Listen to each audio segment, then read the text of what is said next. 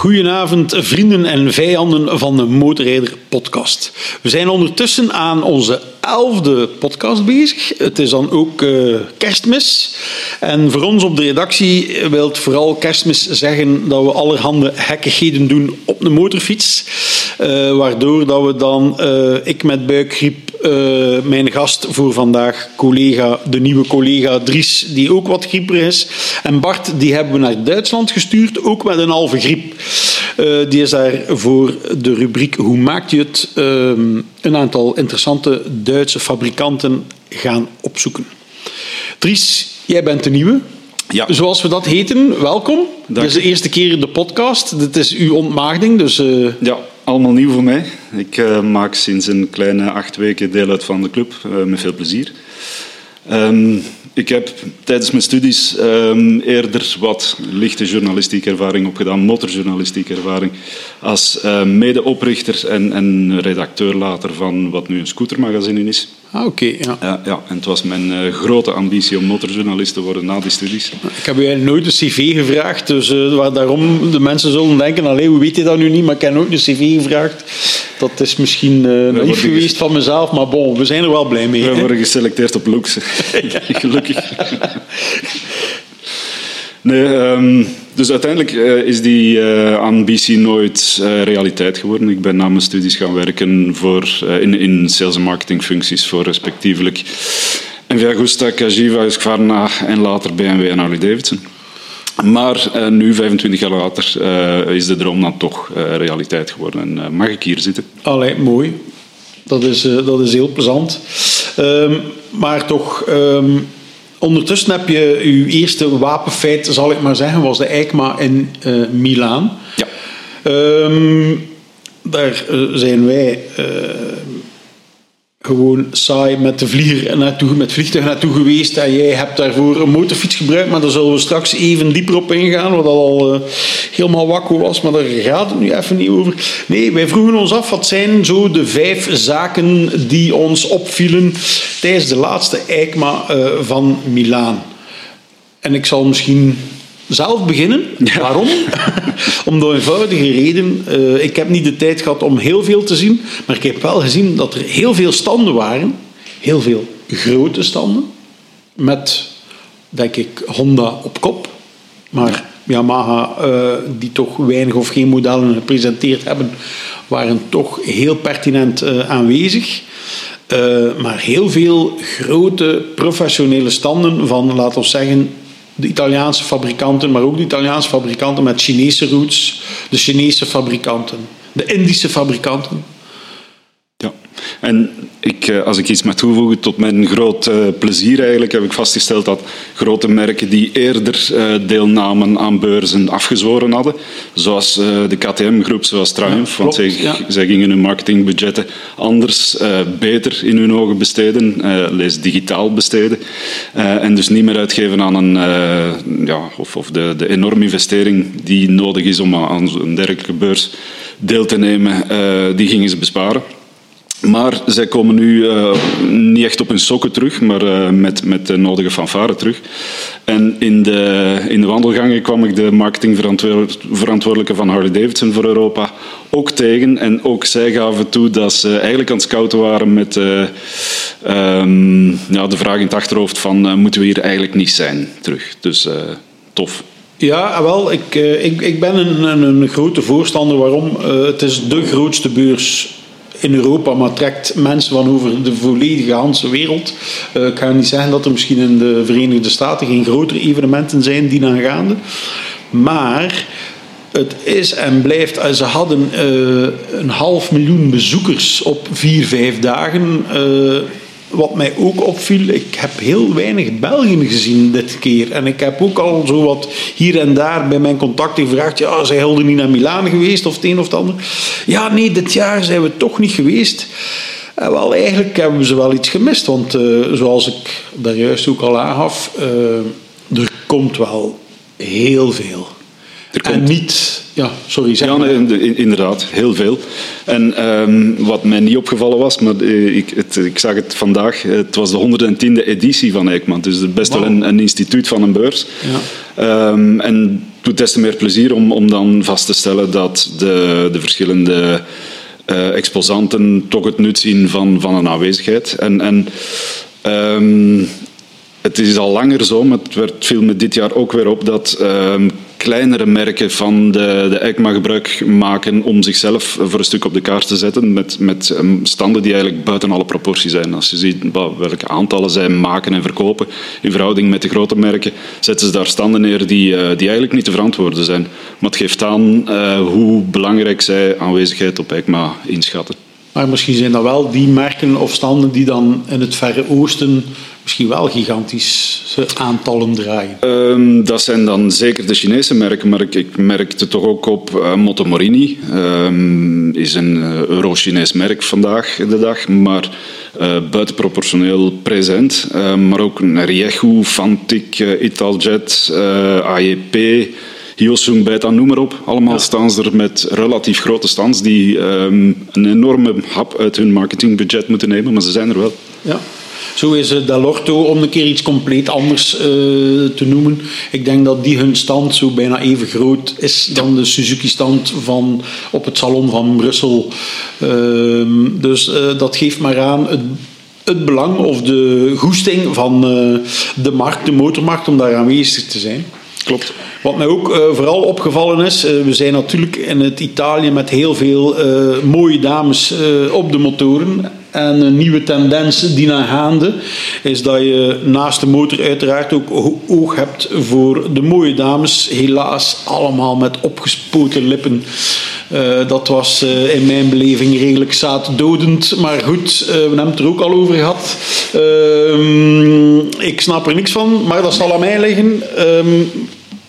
Motorisaties. Ik denk dat dat de grootste... Andere technische details. Andere technische details die passen beter in onze leefwereld. um, nee, waar dat we in vorige podcast, maar ook de vorige jaren... Uh, toch gezien hebben dat men heel veel bouwkastenprincipes toegepast heeft met staande parallel twins en zo verder enzovoort. Ja, stonden er nu, uh, noem maar op, uh, een Corsaro V2 750 de 1200 uh, Corsa Corta, ook van Moto Morini. Uiteraard de Super Quadro 1-cilinder van Ducati, waar we het ook al over gehad hebben. Maar verrassing over verrassing. CF Moto, die gelieerd is met de Pierer Club. De Spierer zijn de KTM, GasGas, Husqvarna en Via Gusta CF Moto. Uh, die komen met een 675 drie-cilinder. En Help. Dat ja, en dat is dan geen doorslagje of kopie van een, uh, een bekend NV Agusta blok, maar een volledig zelf ontwikkeld nieuw driecylinderblok, waarbij um, qua technische details ze nogal spaarzaam bleven, maar uh, ons wel melden dat hij meer dan 100 pk zal leveren. Ja. Uh, gelukkig, ik hoorde iemand grinniken toen dat verteld werd. Um, maar... Um, in de marge daarvan vertelden zij ook dat er al meer dan 100 verschillende motoren, uh, motorplatforms in hun portefeuille zaten. Dus uh, de Wat grote... bedoel, je, bedoel je 100 verschillende motorisaties? Heb ik hen horen zeggen, ja. Oh. Toen heb ik ook even mijn uh, wenkbrauwen omhoog getrokken. Maar met de quads bij verondersteld? Wellicht, ja. wellicht. Want um, voor de duidelijkheid, CF Motto is, als ik me niet vergis, qua verkoop of qua merk de leader in Europa met zijn quads. Ja. En die ambitie hebben ze ook met hun motorfiets. Duidelijk. En dan uh, schuw, ja, schrik ze er niet voor terug om zelf uh, van, vanaf een wit blad een, een driecylinderblok te ontwikkelen, specifiek voor gebruik in, in een sportieve motorfiets wellicht. Uh, opmerkelijk. Ah nee, ik dacht dat ze iets van een adventure motor getoond dan. Maar ik kan mis zijn. Het zou kunnen. We laten het, dit in het midden. Um, maar je had wel een mooie bedenking over de Super Quadro van Ducati. Want ik was dan even aan het luisteren naar Dominicali. Ja, ja. Uh, die de nieuwe 916 anniversary voorgesteld heeft. Ja. Die dat trouwens zelf volledig gedaan heeft.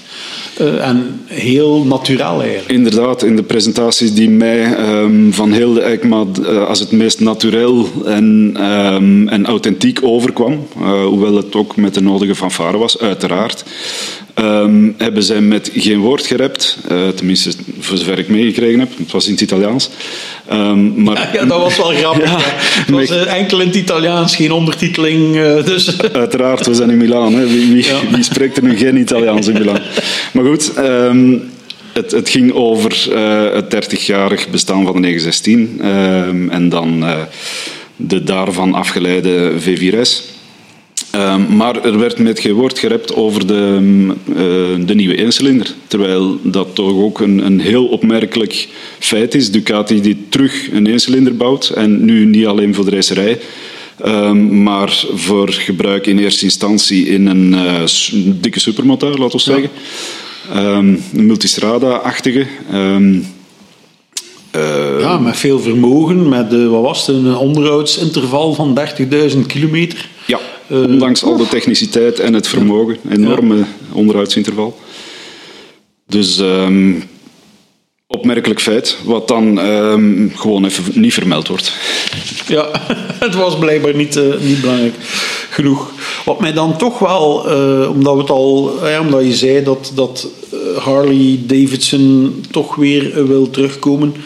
De afwezigheid, alleen hetzelfde rijtje, de afwezigheid van BMW ja, dat vond ik eigenlijk onbegrijpelijk. Ehm, je komt met de nieuwe GS, een compleet nieuwe motorfiets, from scratch eigenlijk. En ze zijn er niet. Ik denk dat op de Wunderlich-stand stonden twee uh, omgebouwde of uh, met accessoires gedrapeerde uh, 1300 GS'en en misschien ergens ook nog ergens in een hoekje. Ach, dat vind ik dan wel ja. jammer eigenlijk. Ja. En dat ook zijn... voor hen zelf, denk ik dan. Ja, en allicht is er een grote discussie geweest intern. Moeten we alle niet gaan? Uh, moet BMW Italië dan gaan in plaats van uh, eh, BMW München of, of het moederhuis? Om toch een aanwezigheid uh, te garanderen. Um, hoe dan ook, ze waren er niet. en dat is inderdaad onbegrijpelijk. Ja, maar ik denk dat misschien ook moeilijk is voor hen van ja, als ze de lokale BMW uh, huis laten uh, daar staan. Die hebben heel waarschijnlijk niet de middelen uh, als in München. En kan me inbeelden dat je als zo'n merk er wel niet met rode kaken wilt staan. Nee, zeker. Nee, goed. Maar inderdaad, we hadden het al over Motto Morini. die dus, want ja, er zijn toch een aantal zware trails ook die we mogen verwelkomen. De Escape 1200 uh, met de Corsa Corta blok. Uh, 125 pk vind ik uh, al sinds niet slecht. nee, dat is vol in ehm, de, de vermogensband, laten we zeggen, van de concurrentie. En, en daarmee geeft um, de, de Italo-Chinees Timo Morini is vandaag eh, aan dat ze de concurrentie niet schuwen. Hè. Integendeel, ze zoeken ze op. Ja. Um, met een, een, blok met een hele geschiedenis. Uh, Corta Corta is, is, ik zal niet zeggen opgewarmde soep, maar het is een, een bekend blok wat um, vernieuwd en Euro 5 conform uiteraard Euro ingebouwd plus, denk ik. Ja, ja. allicht. Ja. ja. Ingebouwd wordt in een, in een gloednieuwe trail. Um, die uh, op, uh, op elk gebied uh, lijkt te gaan concurreren met de, ehm, de sterken in het segment. Dus moedig, um, ambitieus ja. van een klein merk en interessant. Ja, en absoluut. Ik herinner mij destijds als ze inderdaad uitgekomen zijn met een 1200 Gran Passo. De Gran Passo, inderdaad. Ja, dat die bij de eerste grote confrontatie. Uh, vlot tweede zwart van, een, uh, van de, na de GS uh, eh, in de vergelijkende test. Dus nee, dat, ja, dat doet ons hopen op meer. En dan komen we onvermijdelijk ook bij misschien het andere broertje, maar dan wel puur Italiaans, de Stelvio. Die het met bescheidener wapens ja, en toch, aanpakt. Uh, toch, uh, met de TT850 hebben ze denk ik bewust de confrontatie met uh, de concurrentie ontweken. Door, Beetje alle Afrika Twin. Ja, en toch. Um, Afrika Twin was veel sportiever en, en meer allroad gericht, terwijl de, de TT850 met een, een, een zwaarder blok, een, een minder modern blok, um, het veel toeristischer was van, van inborst. Um, maar nu, met, met het 12, 15, 1200 blok, Uh, en een, uh, een, vermogen van, wat was het, 115 pk? 115 pk, ja. Ja, dan gaan ze toch ook uh, wel die concurrentie aan met, met de grote der aarde. En 105 newtonmeter, het koppel ja. vind ik toch ook belangrijk om even te melden. Dus dat is leuk, dat is lekker. Ehm, alleen maar te hopen dat ze niet zoals bij de V100 die achterste schokbreker uh, erin zaten of inzetten. Maar ik heb gezien op de beurs in, in Milaan dat hij er wel in zat. Dus goed, dat wordt dan nog uitkijken uh, wat dat, dat geeft. En dan uh, ja, MV Augusta. Ja, inderdaad, MV Augusta. MV Augusta, ja. De LXP Orioli 124 pk, 102 newtonmeter. Een contra, met een contra-roterende krukas. Ja om het sturen te vergemakkelijken. Ik was ontgoocheld. Ik moet het eerlijk toegeven, uh, zowel qua design als ook ja, zeker de, de prijszetting 30.000 euro. Uh, ja, en, en dat wordt dan verantwoord door het feit dat het een uh, Eddie Orioli limited edition is van een luxury allroader. Um, wat dat op zich waard is, is maar de grote vraag. Want wat is een luxury allroader? Uh, en hoe um, verantwoordt men dan die, die exorbitante prijs, laten we een kat en kat noemen. En Eddie Orioli is een man met een enorm palmares, maar zijn naam op de tank alleen verantwoordt die meer, meerprijs zeker niet. En verder lijkt de motor goed uitgerust en, en um, mogelijk op het niveau van de concurrentie. Um, maar om dan een meerprijs van 50% te verantwoorden, dat is uh, ambitieus, laten we ja. zo zeggen. Ja, het was natuurlijk ook wel uh, allee, een beetje cynisch uh, dat we de discussie gehad hebben van Pierre die zei van uh, nee, hij komt niet. En uh, Sardarov die zei ja, hij komt wel. Um, ja. ja. hoe moeten we dat allemaal snappen, begrijpen? Het is misschien tekenend uh, dat um, het uiteindelijk uh, Timur Sardarov was, op vandaag nog CEO van Enviagusta en, en meerderheidsaandeelhouder, die het toek van de Eddie Orioli trok um, op de beurs. En dat Luca Martin, de man uh, die door KTM in Enviagusta neergezet is om, om de boel te runnen en te reorganiseren, erbij bij stond, maar zweeg. Um, de LXP is um, Timur Sardarovs project, uh, ja, prestigeproject, ja. uh, wat um, met weinig liefde vanuit, vanuit Mattighoven bekeken wordt. Uiteindelijk lijkt de motor er, uh, ondanks eerder ontkenning van Pierer, toch te gaan komen. We zullen zien. Ja, ja en dan maken we misschien een boogje naar Kiska als ik toch even de tijd uh, uh, had, uh, ben ik toch op de KTM-stand, die ook teruggekomen zijn na een tijdje afwezigheid. En ik zag koplamp van hun nieuwe KTM's. Dan dacht ik, ja, ik hoop dat ze bij MV Augusta Kiska toch andere guidelines geven. Of misschien zouden ze bij KTM beter ehm, bij CRC een keer gaan aankloppen. Ja. Um, ook daar is, heeft uh, Pierer zich al laten ontvang, ontvallen dat hij um, Kiska een rol zou laten spelen in de ontwikkeling van Envergust in de toekomst, omwille van hun, hun bewezen resultaten in het verleden. Um, ja, dat is wel zo. Hè. Daar kunnen we niet tegenop. Hè. Daar kunnen we niet tegenop. Um, maar anderzijds, uh, een van de sterke punten van Envergusta is altijd het design geweest. Dus uh, het lijkt me niet dat ze daar um, lessen te leren hebben. En um, het voelt een beetje aan alsof ze een Duitse gaarkeukenchef in een, in een Italiaanse sterrenzaak willen neerzetten. Terwijl uh, Pierer de, de waarde van een Made in Italy toch wel lijkt te beseffen.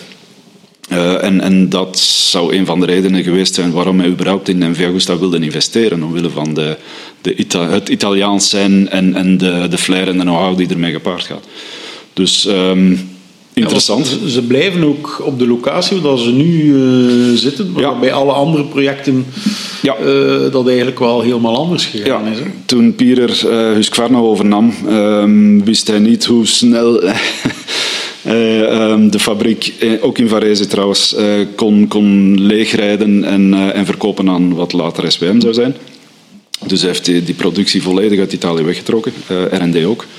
Ehm, met MV heeft hij al bevestigd dat dat absoluut niet het plan is. Integendeel. Um, ze willen, uh, hij en, en Sardarov samen willen investeren in de, die historische locatie in Varese, waar MV momenteel uh, gedeeltelijk ontwikkeld wordt en volledig gebouwd wordt. Um, dus uh, wat dat betreft is er overeenstemming, lijken ze overeen te komen, Sardarov en Pierer. Um, wat betreft de toekomst voor Envia Gusta uh, qua productie en voor een stuk R&D. Hm. Oké, okay, nice. Nog een tendens die we waargenomen hebben op de EICMA. De sportmotto is terug. Ja. En serieus terug. We hebben Kawa, dat wisten we al. ZX6, 36, ZX4, daar hebben we het al uh, genoeg over gehad. Maar Honda CBR 600 RR, netjes mooi, komt er weer, stond er mooi. Uh, met dan ook een upgrade voor de Fireblade en de CBR 500R. Motomorini, die dus met die nieuwe V2 Corsaro blok 7,5 ook een sportmotor uh, uit de grond stamt. Uh, de GSX 8R die dan meer in het kamp van de R7 van uh, Yamaha zit. En dan een Cove 400RR. Ja. waar heb je dat van 100 steen gehaald? Ja, Cove is uh, een van die enorm snel groeiende Chinese merken die uh, op onze markt nog niet zichtbaar zijn, maar die wel uh, enorme stappen aan het zetten zijn, ook richting Europa. En um, waar zij tot nu toe vooral met, met enduro- en trailmotoren aan de slag waren, zag ik nu een 400cc viercilindertje. Wat er absoluut niet slecht uitzag. Ah, ook een viercilinder? Ja, een 400cc viercilinder. En zelf ontwikkeld blok dan? Een eigen blok, eigen chassis. En geeft toch ook aan dat zij daar de, de waarde van de sportmotor um, als deel van het gamma uh, erkennen. En, uh, en ermee, ja, ze, ze pakken ermee uit. Ja, ja ik blijf het uh, een, een leuk fenomeen vinden. Uh, niet meer voor mij, want ik heb onlangs met die ZX4 gereden en die is iets te klein voor mijn robuuste gestalte, zal ik maar zeggen. Goed, um, ik weet niet of dat jij nog een bedenking hebt over de EICMA. Um, in grote lijnen hebben we het wel, wel overlopen. Um, buiten dit misschien, de, de Chinezen die zijn al jaren ook op de beurs aan een opmars bezig die, uh, die een, een uh, groei in, in de motorfietsbranche algemeen tekent. Maar het viel me toch ook dat uh, ook de Indiërs ja, ja, ja. enorm snel aan het groeien zijn en grote stappen zetten. Um, met uh, voor ons meest bekende vertegenwoordiger natuurlijk Royal Enfield. Ja. Maar ook een TVS, een enorme speler op de markt, uh, was aanwezig. Hero was aanwezig. Ja. Dus um, ook die merken zullen we snel op onze markt gaan, uh, gaan tegenkomen. Ja, want Hero die doet toch, als ik me niet vergis, al jaren en dag mee met de Parijs-Dakar toestanden. Ja. Uh, die stonden daar ooit, want die staan er eigenlijk al lang met een hele grote stand. En dan hadden ze zo'n digitaal uh, scherm waarop dan de productie, gelinkt aan de productie, dus gezegd van weer een motorfiets gemaakt, weer. En dat ging echt over miljoenen, miljoenen motorfietsen die daar bij wijze van spreken om de 10 minuten gebouwd werden. Die aantallen zijn absoluut beangstigend. Ja. Het is ongelooflijk uh, wat voor aantallen zij wegzetten op hun thuismarkten, vooral de Indiërs dan, um, en ook uh, steeds meer in het buitenland. Hè. Ja. Goed, um, we mogen niet vergeten onze partners uh, uiteraard toch weer te bedanken die het een jaar met ons dit traject hebben afgewerkt. Dat zijn nog altijd Michelin, Dunlop, die ook sedert lang weer aanwezig was op de EICMA. Uh, ook weer aanwezig op de EICMA. En Risha ook weer aanwezig op de EICMA. Voilà, die hebben we weer benoemd en gerespecteerd, uiteraard, zoals het hoort. We hebben dan wat gereden, want uh, we hebben niet alleen op beurzen gewandeld, we hebben ook uh, wat gereden. In casu, Bart uh, is op stap gegaan naar Portugal met de en nu hebben we een beetje een tongenbreker. De Suzuki GSX S1000 GX. Jee, het is gelukt. Ja. Hier hebben we op gestudeerd. Hè? Ja, ja, is voorbereid. Ja, ja.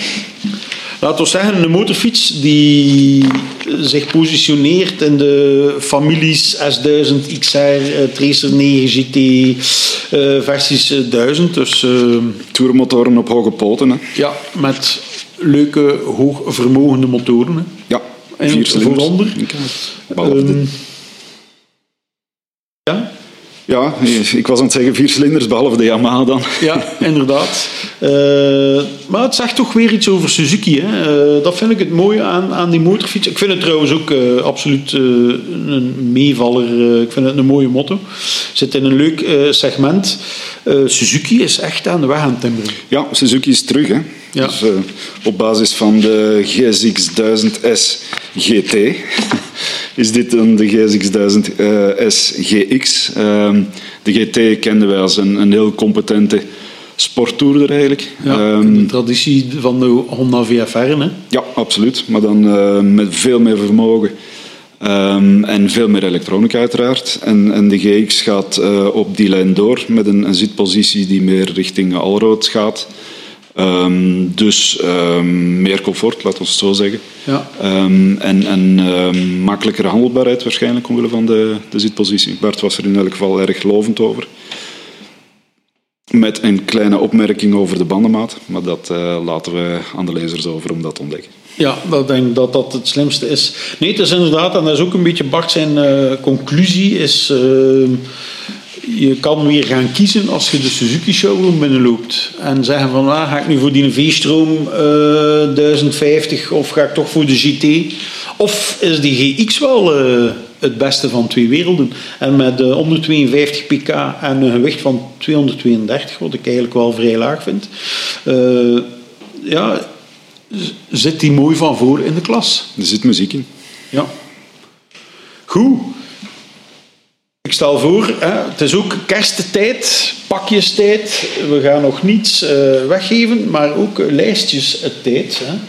De hit 1000 uh, lijsten op Studio Brussel en zo zijn volle bak bezig. Ik heb er van de middag al uh, enorm van genoten terwijl ik in mijn bed lag uit te zieken. zijn wij ook eigenlijk op stap geweest met wat was onze motor van het jaar. Die kan u lezen in het volgende nummer, die verschijnt op 1 december in de boekhandel en de supermarkten. Maar we hebben ook allemaal uh, een goede tweede gekozen en de tegenvaller van het jaar. En die kunnen we wel prijs geven. Tries, ik laat u beginnen. Het is eigenlijk geen verrassing wat je gekozen hebt. Hè. Ja, ik, ik heb um, de MV Agusta Supervelootje 1000 op nummer 2 gezet. Um, en waarom op nummer 2 en niet op nummer 1? Wel gewoon omdat die motto niet bestaat. Ja. De prijs wel, die, die bestaat de, wel. De prijs, het is te zeggen, de prijs is aangekondigd. Uh, ik ga hem zelfs niet noemen, want het is van de pot gerukt. Ja. Um, maar uh, op ECMA werd eigenlijk het, het prototype weer afgestoft, um, wat vorig jaar uh, in de Brandstore, MV Agusta Brandstore in Milaan, in, in petit comité getekend is, getoond is. Pardon. Ja, want dat vind ik nog altijd zeer jammer, want we hadden elkaar toen daar ook tegengekomen. Ik had al een afspraak bij CF Motto, wat eigenlijk een feestje was voor al de verdelers en uh, invoerders. Uh, waarbij uh, de Chinees om de tijd thank you, thank you, thank you kwam zeggen zonder reden. Dus dat was heel bizar. Dus ik had eigenlijk wel liever bij die Super Veloce 1000 presentatie geweest. Ja, en Sardarov, nog de Italiaanse entourage hebben de gewoonte om ooit thank you te zeggen. dus dat, dat, is dan niet gebeurd. maar ik, ik, was er wel bij. Um, en er is toen met terechte trots um, iets, iets ongelooflijks voorgesteld. En, en Viagusta Super Veloce 1000 is, is een motor uh, waarop je niet uitgekeken raakt. Nee. Die, die motor zit nee. vol details. Uh, ja. Het ene nog innovatiever en, en esthetischer dan het ander. Maar helaas, hij bestaat niet.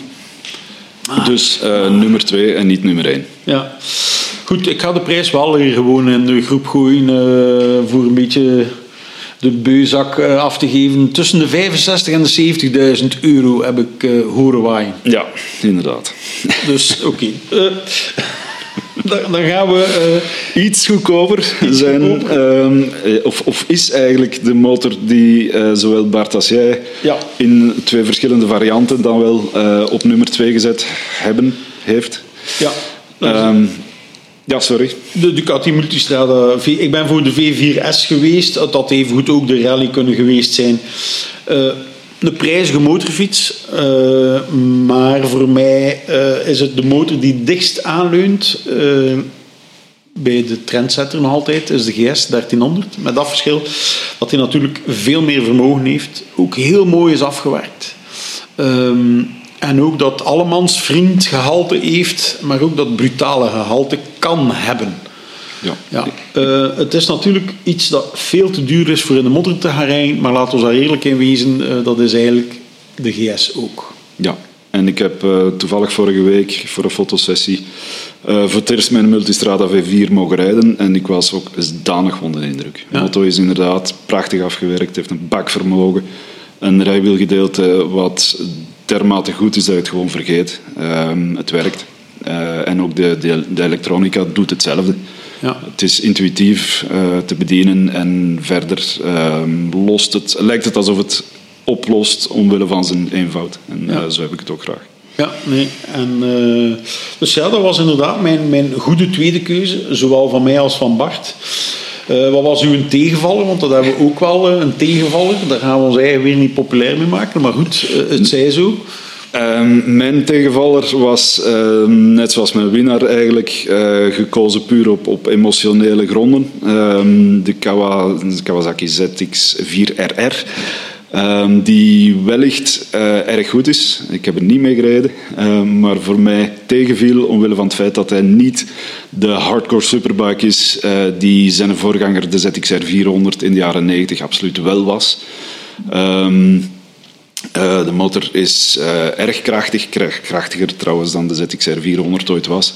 En waarschijnlijk heel erg efficiënt, maar softer, meer allemansvriend en daarom ehm, minder emotioneel eh, aantrekkelijk voor mij. Vandaar, eh, Ja, maar dan denk ik toch, allee, eh, ja, dat klopt, dat klopt.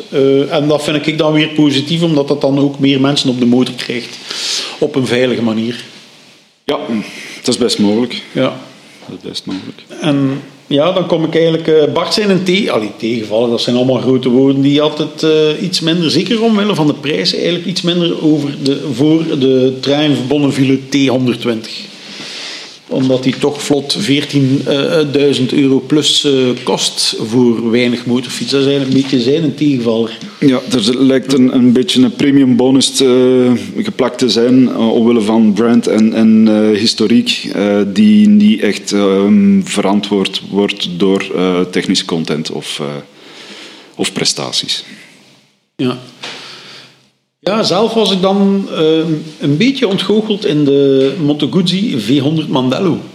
Ja, Ik, eh, ik, ik, eh, de V85 TT is het soort motorfiets die zeer ontwapenend is door zijn uiterlijk, maar ook door zijn zijn. Hè. Niet, niet bakkenvermogen, heel gemakkelijk in, in de toegang, gemakkelijk om mee te rijden. Stuurt heel vlot in. Eh wou je een beetje sportief rijden, moest hem echt wel goed in toer ja, dat ding. Maar dat lukte eigenlijk wel perfect. En ik zat altijd te denken, ja, als we nu die V85-blok zouden opbouwen naar wat meer, dan heb je toch wat meer vermogen. En dan heb je alle kaarten in huis voor een fantastische motorfiets op de markt te zetten.